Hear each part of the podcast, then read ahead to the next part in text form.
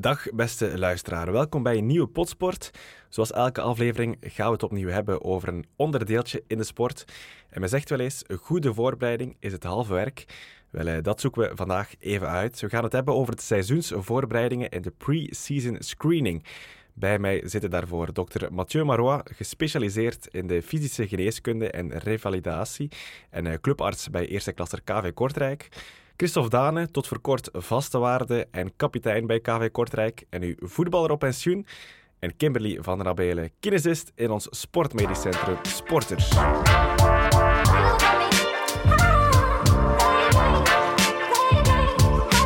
Potsport. Ik begin meteen eventjes uh, bij Christophe. Hoe is het met het zwarte gat nu je gestopt bent? Uh, ik ben heel blij dat ik die keuze wel heb gemaakt. Dus uh, ja, het was het, was het ideale seizoen om, om te stoppen, zeg maar. maar ik ben, ja, ben blij met mijn keuze, zoals ik zeg. En ja, ik ben gelukkig. Kon je een mooier afscheid wensen, die tifo, en dan nog eens dat doelpunt in jouw laatste wedstrijd? Denk het niet, hè. Uh, denk moment, uh, allez, ik heb niet rap kippenvel op het veld, maar het moment dat ik op, uh, op het veld kwam met, met mijn zoontje in mijn armen en zo'n tifo zien en, en dan de hele jeugd die, die een uh, eregaaf vormt, ja, dat is, is het mooiste dat je kan wensen. Hè. Dus ja, ik denk niet dat er veel zo'n afscheid gaan, gaan, gaan krijgen. Dus ja, ik was, ik was heel blij. En wat doe je dan om je tijd te vullen? Uh, heel druk, ja. Ik zit met de verkoop van mijn huis, uh, die trouwens te koop staat. Uh, voor alle, alle info volgt. um, en ook ben, ben een nieuw huis aan, aan het bouwen, dus ik doe heel veel zelf. Ik ben een redelijke handen Harry, dus het is, het is leuk om zo mijn tijd te spenderen. Ja, goed. Je bent eigenlijk wat moeten stoppen door die aanhoudende blessure. Wat was er precies aan de hand? ik denk dat Dokkie dat misschien wat beter kan uitleggen dan ik. Uh, ja, klopt. um, ja, het is, het, is, een bekend fenomeen. Er is een bepaalde vormvariant, laten we zeggen, van een heup die, uh, die bij de doorsnee mens, laten we zeggen, geen al te grote problemen zal geven. Maar wel bij sporters, intensieve sporters, die veel korte draaibewegingen doen. En dan is voetbal natuurlijk het voorbeeld bij uitstek. Waardoor dat er eigenlijk ja, twee botstructuren uh, tegen elkaar beginnen te duwen en het kraagbeen die ertussen zit, uh, een labrum die daar ook aanwezig is, beschadigd raakt en op den duur meer en meer uh, klachten begint te geven. Toen, ik ben nog niet zo heel oud, ik ben afgestudeerd in 2006, maar toen in die periode is een kijkoperatie van een heup meer en meer ontwikkeld. als ik studeerde was dat eigenlijk nog niet echt van doen als je dergelijk iets vaststelt op jonge leeftijd, dan kan je soms door dat, die botstructuur wat af te ronden, weg te nemen, vermijden dat er kraakbeenschade komt. Um, maar als er al te veel schade is, kan je het proberen een stuk wel op te vangen. Maar eens de schade aan het kraakbeen er is, dan moet het opgevangen worden met goede spiertraining, met, met eventueel wat infiltraties, met gel uh, en dergelijke, om het proberen de belasting uh, zo hoog mogelijk te houden. wat dat bij Christophe gebeurd is, maar we wisten dat jaar na jaar dat dat moeilijker ging worden. En want liever nog wat langer getrokken, of we hebben het al langer kunnen trekken dan, dan eigenlijk misschien voorzien was, jaren voordien. Dus op dat vlak, bij zo'n blessure stelt zich, als je dat vaststelt bij iemand van 20 jaar die geen last heeft, is natuurlijk dan altijd de vraag, doe je die preventieve ingreep zonder dat ze al last hebben, omdat ze sowieso wel een revalidatie is van zestal maanden. Dus het is eigenlijk een, een, een, een, moeilijk verhaal soms om te doen, om te, om te zeggen, doe iets ingrijpends, preventief, uh, waarbij je ervan uitgaat dat misschien laatijdig uh, dan wel voordelen zal hebben.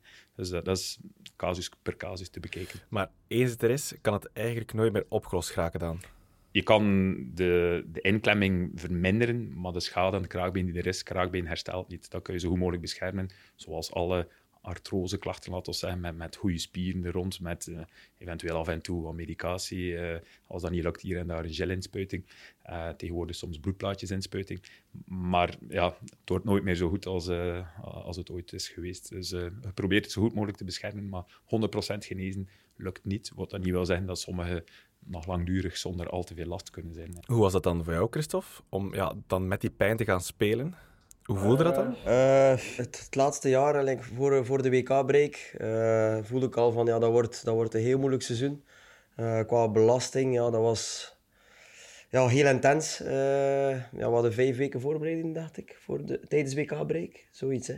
Ja. Ehm, en dat was ja, elke dag aan 200 En, en dan voel ik van, ja, dat, dat kan ik niet nog een seizoen uh, opbrengen. Dus uh, het was, ja, voor mij wist ik dat het mijn laatste seizoen was, omdat ik ja, anders mijn lichaam waarschijnlijk heel, heel kapot ging spelen als ik nu nog een jaar ging bijdoen. Dus het was het ideale moment om te zeggen en denk ja, dat de juiste keuze is, denk ik. Als je continu met de hinder speelt, ik denk in al die jaren dat je Kortrijk speelt, dat ik u eigenlijk behalve voor dit probleem niet zo heel veel gezien heb. Ik heb u enkel omgeslagen, als ik me goed herinner. Mm en misschien ooit een, eens een, ja. ja. een spierscheur of zo. Maar als je op den duur uh, met een bepaalde hinder speelt en begint te compenseren, ja, dan, dan begin je uh, van het ene en het andere te rollen. En, en ja, dan is het voor niemand nog aangenaam, denk ik. En Christophe was nu toch iemand die zijn conditie, dat dat nooit een probleem zal geweest zijn. Maar telkens een beetje balanceren op, oké, de trainingen die moeten, moeten maar aanpassen. Maar op een bepaald moment uh, kan het me inbeelden dat het moeilijk is om telkens die, die knop om te draaien, of met pijn na de wedstrijd waarschijnlijk, of de ochtend na de wedstrijd. Uh, ik vermoed... Uh, als mentaal een, is dat niet... Niet als een 30-jarige wakker worden, vermoedelijk. dus ik kan me inbeelden, mentaal op den duur wordt dat lastig. Ja. Als je niet meer kunt spelen met je zoontje van de pijn na een zware training, of... of s morgens dat ik zit uh, ja, te sukkel zeg maar, voor mijn kous aan te doen, dan weet je van... Uh, pff, moet dat nu nog echt uh, twee, twee, drie jaar of zo? dus nee, ik had er niet meer voor over. Mentaal is echt niet zo... Allee, vanzelfsprekend, iedereen zegt dat, het is makkelijk, maar het was niet zo makkelijk op... En hoe is het nu dan met de pijn, nu je ja, niet meer moet voetballen? nu valt het echt goed mee. ja, nu heb ik eigenlijk weinig last. Enkel als ik zware werk doe aan mijn huis, dan, dan voel ik het wel een keer dat ik, dat ik echt lang op mijn been sta of, zware dingen moet heffen, dan voel ik het even. Maar nu, uh, ja, weinig pijn. Dus uh, dat is ja, leuk. Zo, veel te beter dan. Centraal staat natuurlijk uh, die seizoensvoorbereidingen en hoe je dat het beste doet. Ehm, maar ik zou graag nog iets daarvoor beginnen. Stel, het seizoen is gedaan. Is het dan goed dat je als sporter gewoon eventjes drie weken niets doet en eventjes het lui lekker leventje leidt? Of wat doe je dan best? Denk drie weken helemaal niets, dat dat wel vrij lang is. Ik denk wel een week, tien dagen, een keer even uh, resetten, mijn manier van spreken. Ik denk dat veel van, uh, van die mannen niets doen, dat dat ook niet echt in hun woordenboek staat. De, de meesten hebben ook wel uh, een bepaalde wat is de endorfines nodig voor iets te doen van sport, maar denk wel een keer iets helemaal anders gaan doen. Christophe zal waarschijnlijk vaak wat gaan fietsen in het tussenseizoen. Ja, dat, kan bij iemand anders gaan zwemmen zijn of iets anders. Maar denk ik een, een aantal dagen tot een week niets doen en vanaf dan is dat weer rustig in, in gang ziet. Meestal of altijd, denk ik, krijgen ze wel een programma van de physical coach. Uh, het hangt een beetje af van seizoen tot seizoen. En nu hebben ze in korting een zes, zevental weken de rust. Sommige andere jaren, uh, als ooit play-off 1 gehaald werd, was dat snel maar drie, vier weken. Dus die week rust, uh, ja, het seizoen is daar vrij snel, vrij snel terug. Dus even een week tot rust komen, wat alternatieve sporten en dan geleidelijk aan de basisconditie terug opbouwen. Ik denk dat dat eigenlijk het beste schema's. Was dat dan echt daadwerkelijk zo? Gewoon één week rust uh, en dan... Ik denk dat het altijd bij mij één week was, uh, dat ik niets deed. En dan uh, ja, borrelt dat weer om, om je niveau op te krijgen bij het lopen. Om, ja, om topfit toch wel aan die testen te staan. Hè. en dat je gewicht niet te veel omhoog gaat. Hè. als je een echte prof bent, dan ga je niet langer dan een week denk ik echt gaan rusten. Hè. Ja, je wilt, je wilt topfit aan het nieuwe seizoen beginnen. Hè. dus ja. En zijn er toch ja, specifieke dingen die sporters kunnen doen om op een uh, chille manier die vakantie aan te vatten en wat rustige oefeningen te doen op die manier? ik denk, uh, zoals dat dokter uh, Marwa zegt, vooral zo die complementaire sporten, die alternatieve sporten gaan doen, zoals fietsen en tennis, um, zwemmen en zo, dat dat zeker wel in orde is. En dan eigenlijk rustig uw, uw krachten een beetje terug gaan optrainen. Um, daarin ga je dan eigenlijk ook weer terug je, aantal, je reeksen eigenlijk gaan verhogen, gaan vermeerderen, uh, stelselmatig, naarmate dat eigenlijk dan het seizoen effectief start. Ja, en uh, bij de seizoenstart, uh, vanaf wanneer krijg je dan een planning? Vanaf nu moet je opnieuw beginnen met sporten of met het werk Op het einde van het seizoen krijg je een programma mee. die datum start je dan met lopen en dan, dan moet je dat programma volgen. Hè. Dat is dan een vier, vijftal loop, looptrainingen in een week. En iedere keer kracht ervoor of erna. En dan uh, één of twee dagen rust in de week. En uh, ja, denk als we dan vier weken congé hebben, is dat meestal. Dan in drie weken ben je toch al redelijk uh, sharp, zal ik maar zeggen. en die datum waarop je dan echt moet starten, is dat bij het begin van jullie vakantie of ligt die toch nog een klein beetje later? nee, het is, het is ook meestal een paar dagen rust. Hè. Het ja. Maar ja, niet iedereen volgt dat wel. Hè. Dan zie je wel uh, wie dat er fit uh, aan de competitie start en wie niet. Alleen aan de voorbereiding toch. Uh, sommigen volgen dat en sommigen niet. Maar oké, okay, ja. Het is, het is een professional en je moet bezig zijn met je vak. En als je het, als het goed wilt doen, dan doe je nog wat extra soms. En uh, ik deed dat ook. dus de echte voetballer die heeft eigenlijk maar uh, enkele dagen vakantie. Ja, het is te zien hoe lang dan, dat de wedstrijden duren. Hè. Ik denk, als je nu gaat kijken naar uh, play-off 1, hoe lang dat die bezig zijn, denk dat ze ook niet veel congé gaan hebben. Dus ja, dat zal misschien nog minder zijn. Oké, goed. Dus een, een goede timing is eigenlijk een weekje nadat je gestopt bent, om dan opnieuw op het gemakje te starten. Ehm, maar vanaf uh, wanneer mag er dan wat meer intensiteit in komen? Ik denk de basis in, in de weken tussen het seizoen, dat dat meer de, de basistraining is. Dat daar nog niet al te veel intensiteit bij zit. Misschien de laatste week, laatste week of twee weken. wat intervaltraining. Ja. Um, om echt die, ja, de, de basisconditie, de uh, vetverbranding bij manier van spreken, op een goed punt te halen. En dan de laatste week à twee weken wat meer die intervaltraining, uh, de snelheid gaan trainen. En dat, dat wordt dan verder uitgebouwd bij het begin van de training. Nee. Oké, dan zijn er ook nog uh, serieuze fysische trainingen, denk ik. Maar denk ik dat dat dan wel geëvolueerd is. 20 jaar terug, nog voor Christophe zijn carrière, dan, dan hadden waarschijnlijk nog veel meer trainers met boslopen en, en, en, en duurlopen en dergelijke. Uh, denk niet, soms een keer loslopen in het bos en dergelijke. Maar, maar nu niet veel meer. De eerste week zal, zal alles heel met bal, intensiteit wat dat wel voetballers leuker vinden, maar wat dat ook serieus lastig kan dat zijn. Dat kan ook lastig zijn, ja. en uh, voor die heup, deed je dan iets specifiek dan uh, vooraf? ja, normaal moet ik dat eigenlijk wel dagelijks gaan, gaan onderhouden. Nee, losmaken, spierversterkende oefening, maken dat mijn romp heel sterk is. ja, dat doe ik toch wel dagelijks. Hè. In, in het voetbalseizoen dan. nu, nu doe ik het iets minder, maar ja, tijdens seizoen ja, doe ik dat elke dag. En ja, je voelt... Ja, je plukt er de vruchten van, hè, sowieso. Dus dat is heel belangrijk om je, om je naast de training ook nog ja, verder te gaan ontwikkelen. Was dat voor jou dan een moment om die heup te gaan resetten? Als hij dan ja, een, een heel seizoen bijna ja, kapot gespeeld is, dat je dan ja, die seizoensvoorbereiding neemt om die wat ja, te resetten? Ja, dat, dat die wel deugd. Hè. Even, even rust en even niet echt intensief van trainen. Dus het is enkel maar de laatste twee jaar dat ik het echt gaan voelen ben, die heupen, en, allee, tijdens, tijdens het seizoen. Maar oké, ja, uh, in, een, tijdje vakantie doet dat wel deugd dat, dat allee, de spieren weer uh, wat losser staan rond de heup. En, en ja, dan verdwijnt de pijn wel. Maar ja, dan hebben we een voorbereiding van zes weken. dus dan voel je wel na week vier, vijf toch wel... Uh, het, is, het is pittig, eh, de voorbereiding, maar allee, als je dan in het bent van, van wedstrijd op wedstrijd, dan, dan valt dat wel goed mee. Is dat bij alle kwaaltjes dan, dan een voetballer kan meesukkelen in een seizoen. kwaaltjes die af en toe hinderlijk zijn, maar die niet noodzakelijk iemand van het veld weghouden. Bijvoorbeeld iemand heeft zijn enkel een klein beetje omgeslaan en door te blijven spelen blijft dat zo wat irriteren. Dan speelt hij met een tape of met dit of dat dan, dan is het bij al, vooral die zaken is wel een keer nuttig van, van een aantal weken geen duels en, en die korte bewegingen uh, te hebben, zodanig dat, dat, dat eigenlijk die kleine uh, ambetantigheden, laten we zeggen, dat, dat, dat, dat allemaal geneest. Naast die core-oefeningen, die preventieve oefeningen, uh, is iemand die weet, heeft een operatie gehad ooit aan zijn knie en die knie blijft te zwak. Is het wel nuttig dat ze ook die preventieve oefeningen onderhouden in, in tussenseizoen. Want als je daar zes weken niets doet, dan in zes weken verlies je heel wat spierfunctie. ja, ik, uh, ik hoor hier zes weken als ideale voorbereidingstijd. Wel, dat is dan topsport, neem ik aan. Maar uh, ja, amateurvoetbal bijvoorbeeld, nemen die dan ook best zes weken als voorbereidingstijd? Of iemand van 16 jaar en ook voetbalt op het gemak?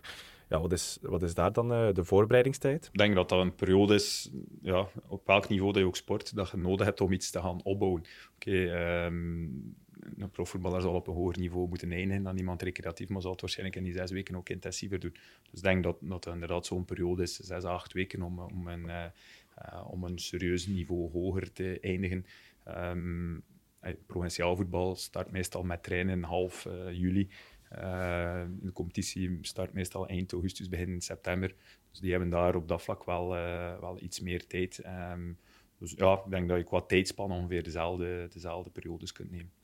Ja. Uh, wij raden eigenlijk ook vooral aan onze sporters aan die heel vaak te maken hebben met kwetsures doorheen het seizoen. Dat is dan toch ook wel een keer echt, de, de, de jongens jonger dan U16 eigenlijk, dat is ook wel effectief ook een keer een maand een rust doen, uh, andere sporten gaan proeven, omdat die spiergroepen, die spiergroepen rond um, die altijd belast worden tijdens de voetbalseizoen. Uh, dat is zodanig zwaar, zodanig uh, lood, een hoog lood, waardoor dat het wel eens goed is dat je andere spiergroepen gaat gaan aanspreken in je lichaam. Zodanig, zoals dat Christophe zegt, ook dat die heup dan, die belasting daar rond, dat dat eens kan um, verlaagd worden. Dus eigenlijk bij jongens jonger dan U16 ja, wordt zeker aangeraden van een langere rustperiode te nemen, mits je heel vaak blessures uh, hebt gekend doorheen het seizoen eigenlijk. En als je dus wel blessures hebt gehad tijdens het uh, seizoen, dan doe je best andere zaken dan? Ja, dat wordt er eigenlijk wel heel vaak gevraagd van toch één of twee trainingen minder te doen doorheen de week en die dan eigenlijk uh, op te vangen met alternatieve trainingen. Um, dat kan dan eigenlijk in de, in de fitness zijn of zo. Uh, clubs geven dan ook een trainingsschema mee. Is het dan per dag echt opgelijst van wat je exact moet doen? Uh, ja, zoals ik al zei, het is, looptraining vier, vijf keer in de week. En dan uh, kracht ervoor of kracht erna. En dan één of twee rustdagen.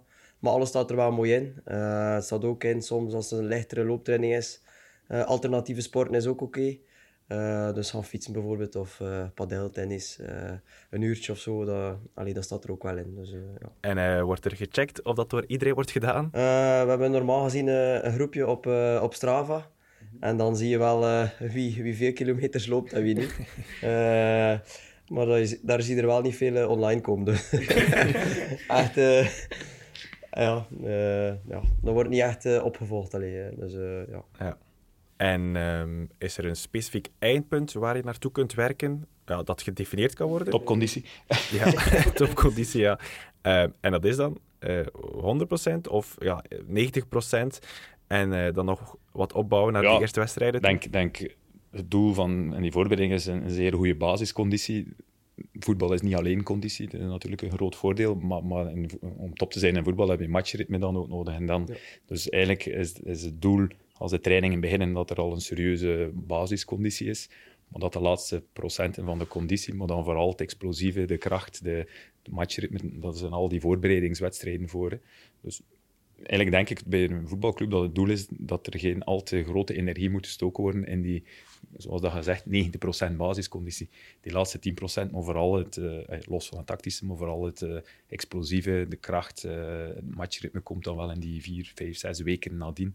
Um, anders dan bij wielrenners die tegenwoordig uh, met wattages, ik ben daar nu zelf geen zo'n specialist in, maar die bijna als een computer zich kunnen uh, voorbereiden. Voetbal zou je denk ik nooit in zo'n cijfermatige uh, model kunnen gieten. Ik kan, ik kan heel veel controleren, maar het blijft nog altijd het, het, het onverwachte, het explosieve, het technische die erbij komt natuurlijk iemand die van de minuut 80 tot 90 kan blijven gaan, zoals dat Christophe Valcon uh, heeft een voordeel ten opzichte van iemand die vanaf minuut 60 uh, eh, moeilijk krijgt. dat, dat, is duidelijk. Maar um, ik denk dat je, dat je het niet zo kunt uh, in een model gieten zoals, zoals de pure duursport. Ja, merk jij dat dan ook, Christophe?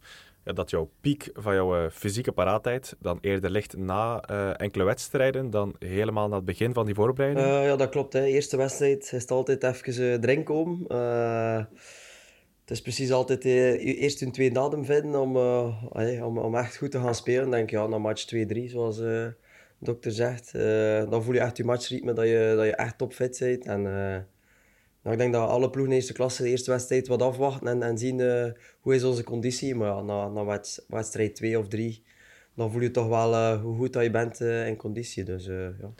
Eh, stel, er is iets uh, misgelopen tijdens die voorbereidingen, waardoor je ja, niet topfit bent geraakt uh, voor die wedstrijden. Wat wordt er dan gedaan? Hou je die speler dan nog eventjes aan de kant, ja, tot hij dezelfde basis heeft dus, als de rest? Dus te zien hoe lang dat hij oud is en, en hoe belangrijk dat hij is voor de ploeg. Hè.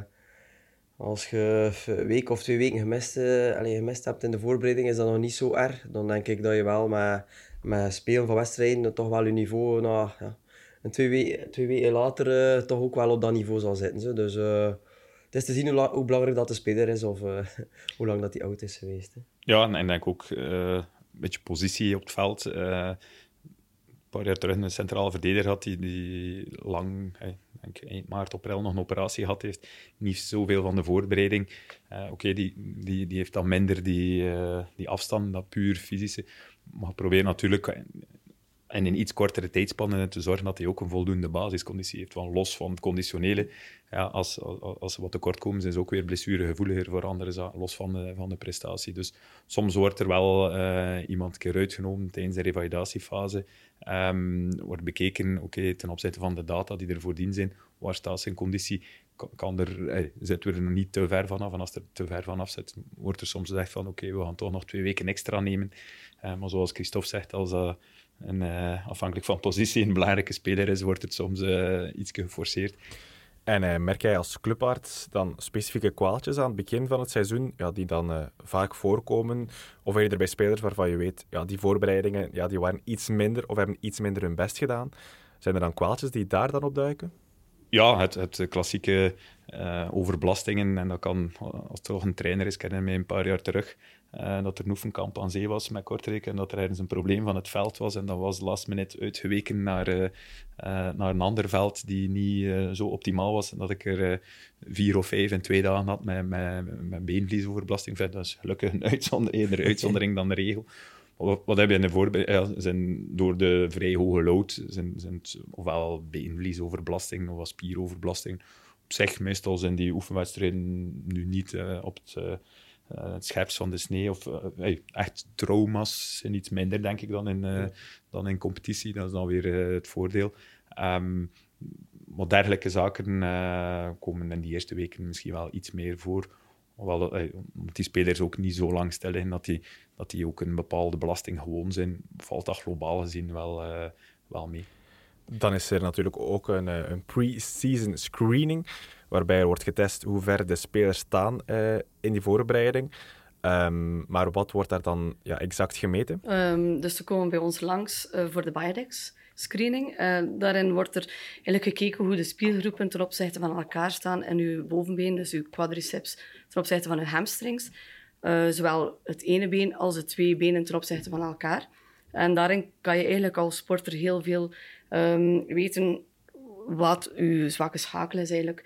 Uh, uw quadriceps moet eigenlijk het dubbel zoals zijn van uw hamstringkracht. Um, omdat je eigenlijk bij de beweging als voetballer heb je ook heel veel excentrisch spierwerk nodig. Dus je gaat eigenlijk vanuit je heup ga je gaan plooien en je knie gaat dan in extensie. En daardoor heb je dan dat af, afremwerk nodig van je hamstring. En is die kracht niet oké, dan ga je dat ook wel merken de eerste trainingen. En zoals dat dokter Marwa zegt, dan, dan heb je inderdaad ook wel die kwaaltjes, die spierkwaaltjes, die eigenlijk de eerste weken dan vaak uh, uitkomen, zoals uh, van een hamstring of zo, een verrekking. Uh, dus dat wordt gedaan. Dan deden we vroeger ook altijd onze redcord screening. Uh, heeft Christophe nog meegemaakt bij Cirkel Brugge. Ja, dat klopt. Um, dat was de eerste jaren en dat hebben die eigenlijk ook weggedaan, omdat er zodanig uh, de, de, voetbal geëvolueerd is. Um, bij jullie, dat jullie meer begonnen te werken op ook core stability ja. in de club zelf. En waardoor dat wij merkten dat die redcord screening eigenlijk totaal overbodig was, dat jullie daar eigenlijk altijd maximaal in scoorden. Ja. En daarnaast dan ook jullie VO2 max, jullie inspanningsproef. Wordt ook gedaan. Ja, dus nu is het vooral die uh, Biodex en die VO2 max meting dan? Ja, het een aantal zaken, eigenlijk globaal in het begin van het seizoen zijn dezelfde test tests dat je doet, zoals dat er een nieuwe speler komt. Eh, het, het, een aantal doelen. Hè. Enerzijds wil je onevenwichten gaan, gaan uh, eruit vissen, dat ze op kunnen werken, preventief gezien. Anderzijds wil je bekijken naar, naar uh, prestatie toe, zijn, zijn er aan uh, zwaktes of dergelijke. En uh, de VO2 max-testen, daaraan kun je zien als, als het Strava-groepje gewerkt heeft of niet. als ze goed getraind hebben of niet. Daar haal je er soms wel uh, iemand uit dat je zegt van oei, uh, soms is dat met een nieuwe speler uh, dat ze komen, dat je, dat je zegt van ja, die, van die moet je niet verwachten dat hij binnen drie, vier weken in, in topvorm is. Dus het zijn een aantal zaken naar het conditionele, naar prestatie, naar preventie. en het is eigenlijk door alles samen te gooien dat je, dat je een beetje een op maat gemaakt advies kunt geven van die moet meer die oefeningen doen, die kan meer dergelijke oefeningen gaan doen bij sommigen, ja, Christophe onder andere is hier ook al, uh, hoe lang? 7, 8 jaar, uh, uh, redelijke data. En tweetal weken terug heb ik het nog een keer bekeken, maar eigenlijk is dat vrij stabiel altijd. altijd niet dat er bij u een, een, spectaculaire asymmetrie ooit geweest is. Um, Ik herinner mij ooit nog een andere speler die, die van uh, een andere club kwam, die met een serieuze asymmetrie zat. En die zei, ja, ze hebben mij altijd in mijn vorige ploeg ook gezet, daaraan gewerkt heeft. En dat bleef altijd. Maar op den duur is dat uitgevlakt geweest. Um, dat probeer je altijd... Uh, uh, ja, de ideale atleet is perfect in evenwicht en, en, en uh, zitten de verhoudingen goed. Um, ik weet als ik, als ik assistent was in Leuven, dat toen uh, uh, Anderlecht daar kwam testen. En dat was nog een periode met Boussoufa, Lukaku, de Schacht ook. Een aantal van hen waren die tests, was er heel veel van te zeggen. En een van die spelers was 32 en zei: Ik ben nog nooit gekwetst geweest. Dan, dan heb je weinig om daarop in, in te brengen. Maar enfin, globaal gezien is het wel evidence-based, is het wel bewezen. iemand die, die zo goed mogelijk in evenwicht is, heeft meer kans om, om, om, of minder kans om geblesseerd te geraken. En wanneer volgt die uh, testing dan? Is dat dan na die zes weken? Of, uh, of, ja, nee, dat zijn de eerste dagen. Uh, altijd de bedoeling is dat na hun individuele voorbereiding dat dat getest wordt. dat is op zich wel een goede vraag, want, want soms zou je kunnen stellen, nadien bepaalde periodes of soms physical trainers willen graag die VO2 max om de twee tot drie maanden gaan doen. natuurlijk, je kan heel veel meten. Um, het is pas nuttig als er iets mee doet nadien. En uh, ja, dat is vrij uh, tijdsintensief, dus uh, het is altijd een beetje afwegen qua tijd, qua, qua reactie en dergelijke. Um, maar het is altijd in het begin van het seizoen, omdat ja, een voorbereiding is snel een week op trainingskamp of tien dagen, een aantal oefenwedstrijden. Meestal na die testen is, is dat wel kortstondig vrij diep gaan en verzuren, dus meestal soms wel één of twee dagen wat spierpijn. Uh, dus uh, als, er dan zware trainingen gepland zijn, dus meestal is dat in het begin van het seizoen. En um, soms in het tussenseizoen gebeurt dat nog eens ter vergelijking. Of bij sommige spelers met grote asymmetrie wordt gezegd, ja, best gaan we dat nog een keer na, een drietal maanden opnieuw doen. Bijvoorbeeld die Biodex-test wordt soms ook gebruikt bij iemand die een hamstringscheur toch opgelopen heeft, die weer van alles aan het rijden is, dat er dan eigenlijk toch nog een keer zo'n test gedaan wordt moment dat je zeker bent dat de spierscheur goed hersteld is natuurlijk. Maar vooral om te kijken, is de kracht weer op hetzelfde niveau als voor het seizoen. Dus dan wordt het een beetje als eikpunt gebruikt. Ja, dus um, die testen in het begin van het seizoen ja, zijn vooral dan om te checken of het evenwicht in het lichaam goed zit en of die persoon wel ja, een goede conditie heeft om aan het seizoen te starten. Ja, heb ze een, ik wil daar heel uitgebreid in gaan. Ja, een goede conditie, uh, evenwicht, bovenbeenmusculatuur bij voetballers vooral, de stabiliteitsmeting. Uh, kun je via ons via redcore testen. Er zijn nog andere uh, testen dat de kines op de club, waar dat er met, met squat samengewerkt wordt, ook een aantal tests doen. Um, soms kan je, er komt in de voetbal ook een, een diëtiste uh, langs. Soms kan je daar ook uh, huidplooimetingen doen. Uh, Oké, okay, wegen is denk ik wekelijks, wekelijks ongeveer. Maar dan om de zoveel tijd zijn er ook huidplooimetingen om um, ja, eerder een opvolging te doen. Er wordt wel wat advies gegeven en dergelijke. Um, dus heel wat zaken nou, inderdaad om onevenwichten op te zoeken, maar ook om te zien uh, hey, dan kan je heel breed in gaan. Hè. Er wordt ook een, uh, via een collega huisarts, die ook ploegarts is van Kortrijk, een bloedname gedaan. Kijken als er uh, grote tekorten zijn van, van, van supplementen. is er een ijzertekort, is er een vitamine D tekort. Um, dus naast het ja, spieronevenwicht, het conditionele, bloedname, uh, lichaamssamenstelling, um, kan je, uh, probeer je heel een zo goed mogelijke rapport te maken om van daaruit zo, zo ik zeg, enerzijds preventief naar blessures, maar anderzijds ook prestatiebevorderend uh, te werken. Ja. Deed je dat graag, die testen? ja en nee. nadien was je, wel, allee, was je wel blij dat je zei van, kijk, je ziet toch wel op de loopband dat, allee, dat ik in vorm ben en dat ik in tussenseizoen veel, veel heb gedaan uh, qua lopen en uh, qua sport. Dus uh, nadien ben je wel tevreden. En, en als je ziet dat je lichaam dan goed in evenwicht is, en, ja, dan, dan ben je ook mentaal sterker in je hoofd. Van kijk, ik ben er klaar voor, ik sta goed. En ja, dat pak je mee in, in, in de voorbereiding. Ik hoor hier over, de, over de jaren heen dat jouw waarden hetzelfde zijn gebleven. was dat dan ook echt een doel van jezelf? dat je zegt, ik wil uh, even goed doen als vorig jaar? Ik wil altijd meer en beter doen. Maar ik weet nog een seizoen dat Luca Elsner, de nieuwe trainer, kwam, wou ik echt top, top, top fit staan om hier op de loopband te staan. En, en mijn waarden waren iets minder, omdat ik dag ervoor of twee dagen ervoor echt de intensieve hardlooptraining had gedaan. En het was misschien daardoor dat ik iets moe was, maar, maar ja, je wilde altijd ja, klaar zijn om hier de, de test te doen. En ja, dat pak je mee naar de voorbereiding, dat je weet van nu sta ik fit. Ja, dat was ook we wel merkten. Als jij erbij was, dat er zo een hele positieve sfeer hangde. binnen de groep ook. Eigenlijk was je niet enkel kapitein op het veld, maar ook daarnaast. Dat was echt geweldig. En je had het maximale, zowel bij jezelf naar, naar boven, dat was de winnaar zo, maar ook bij de anderen die ook dezelfde tijd ook die testings moesten doen, ging ik een keer langs om te zeggen, kom aan, maximaal gaan. Uh, dus we gaan hem zeker missen bij de start. Als je dan uh, zo'n goede aanmoediger bent, heb je dan uh, tips uh, voor mensen die zo'n test moeten doen? Gewoon in het tussenseizoen je programma volgen, misschien wat extra doen. En op de loopband gewoon zeggen, niet opgeven, nog een minuutje bij, nog een minuutje bij, nog 30 seconden bij. En dan, dan gaat het wel goed komen, denk ik. Hè. Zijn er uh, veel zo'n spelers? Die anderen uh, stimuleren. Je hebt natuurlijk uh, grote verschillen. er is hier ook al een speler twee jaar na elkaar toegekomen. Eén keer zonder loopschoenen, de andere keer zonder sportkledij. die gaat denk ik minder die, motiva die intrinsieke motivatie hebben. maar fijn, um, ja, zo, en, en dat, dat, speelt wel mee bij zo'n biodex-test, een isokinetische test. Ja, als je op dat toestel zit en gewoon ja, de beweging doet dat je moet doen, maar zonder meer ja, die laatste 10% ga je er niet uithalen. En dat hangt soms ook af van degene... De, als er een medespeler motiveert, is het altijd meegenomen. Maar ook van de, therapeut die die test afneemt. Als er daar iemand gewoon zegt, ah, nu moet je die beweging doen, zonder meer. Uh, maar als er iemand uh, stimuleert, als je stadion net van 10.000 die vol zit, of, of van 50 man, denk dat die, die, procentjes meer komen er dan ook bij. En, en dat maakt inderdaad wel een verschil als je, als je ploeggenoten hebt en die elkaar aanvuren. Uh, kan nooit geen kwaad. Ja, dus uh, die fysieke testen zouden beter zijn als we die gewoon organiseren in het stadion van KV Kortrijk dan? KV Kortrijk uh, is er geen 10.000 man. we hebben maar plaats voor 8.900. Ja, ja of, inderdaad. Of, juist 9.000. Ja, ja denk sowieso wel, maar ik weet niet, als, als drie uur naar zo'n testen kijken... ja, ik weet het ook niet zo goed, maar goed.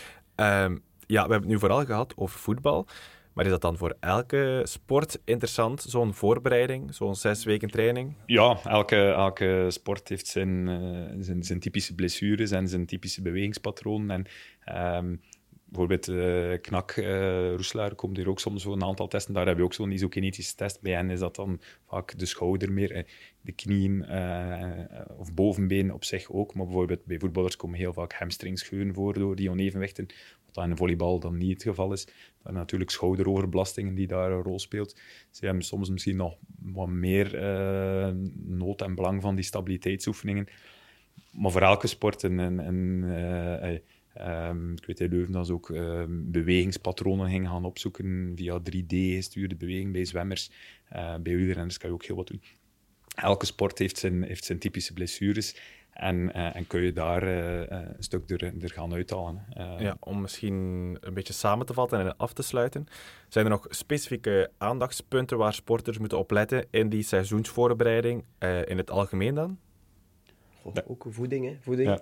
voeding is ook heel belangrijk. Als je s morgens gaat gaan lopen en uh, ja, een intensieve duurloop of zo, en dan ga je bij het ontbijt chocoladekoeken en chocomelk gaan drinken, dat, dat, kun, je, dat kun je niet maken. Hè. Ik denk dat je tussen seizoen ook wel op je voeding moet letten, want anders komt het ook zeker niet goed, denk ik denk, een keer eh, een aantal dagen off en, en je een keer laten gaan, dat, dat moet niet alleen voetballers doen, ook artsen en kinesisten moeten dat soms, moeten dat soms een keer uh, uh, doen.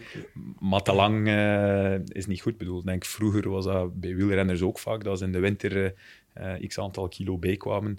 Ik denk dat dat nu ook in het wielrennen, okay, ze zullen ook een, een, aantal kilo erbij komen, maar niet meer zoveel als vroeger. Dus daar begint het al, dat je niet helemaal van, van onder nul moet, moet gaan beginnen.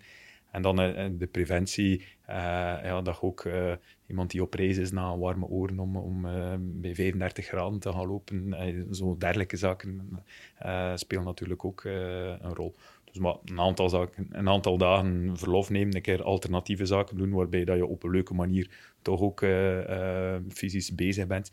En dan het programma volgen dat ze krijgen. Ik denk dat dat nuttigste is. Ja, uh, en op tijd uh, in de Strava-groep en activiteit ja, ja, dat klopt. Oké, okay, super. Dan denk ik dat we helemaal voorbereid zijn voor een nieuw seizoen.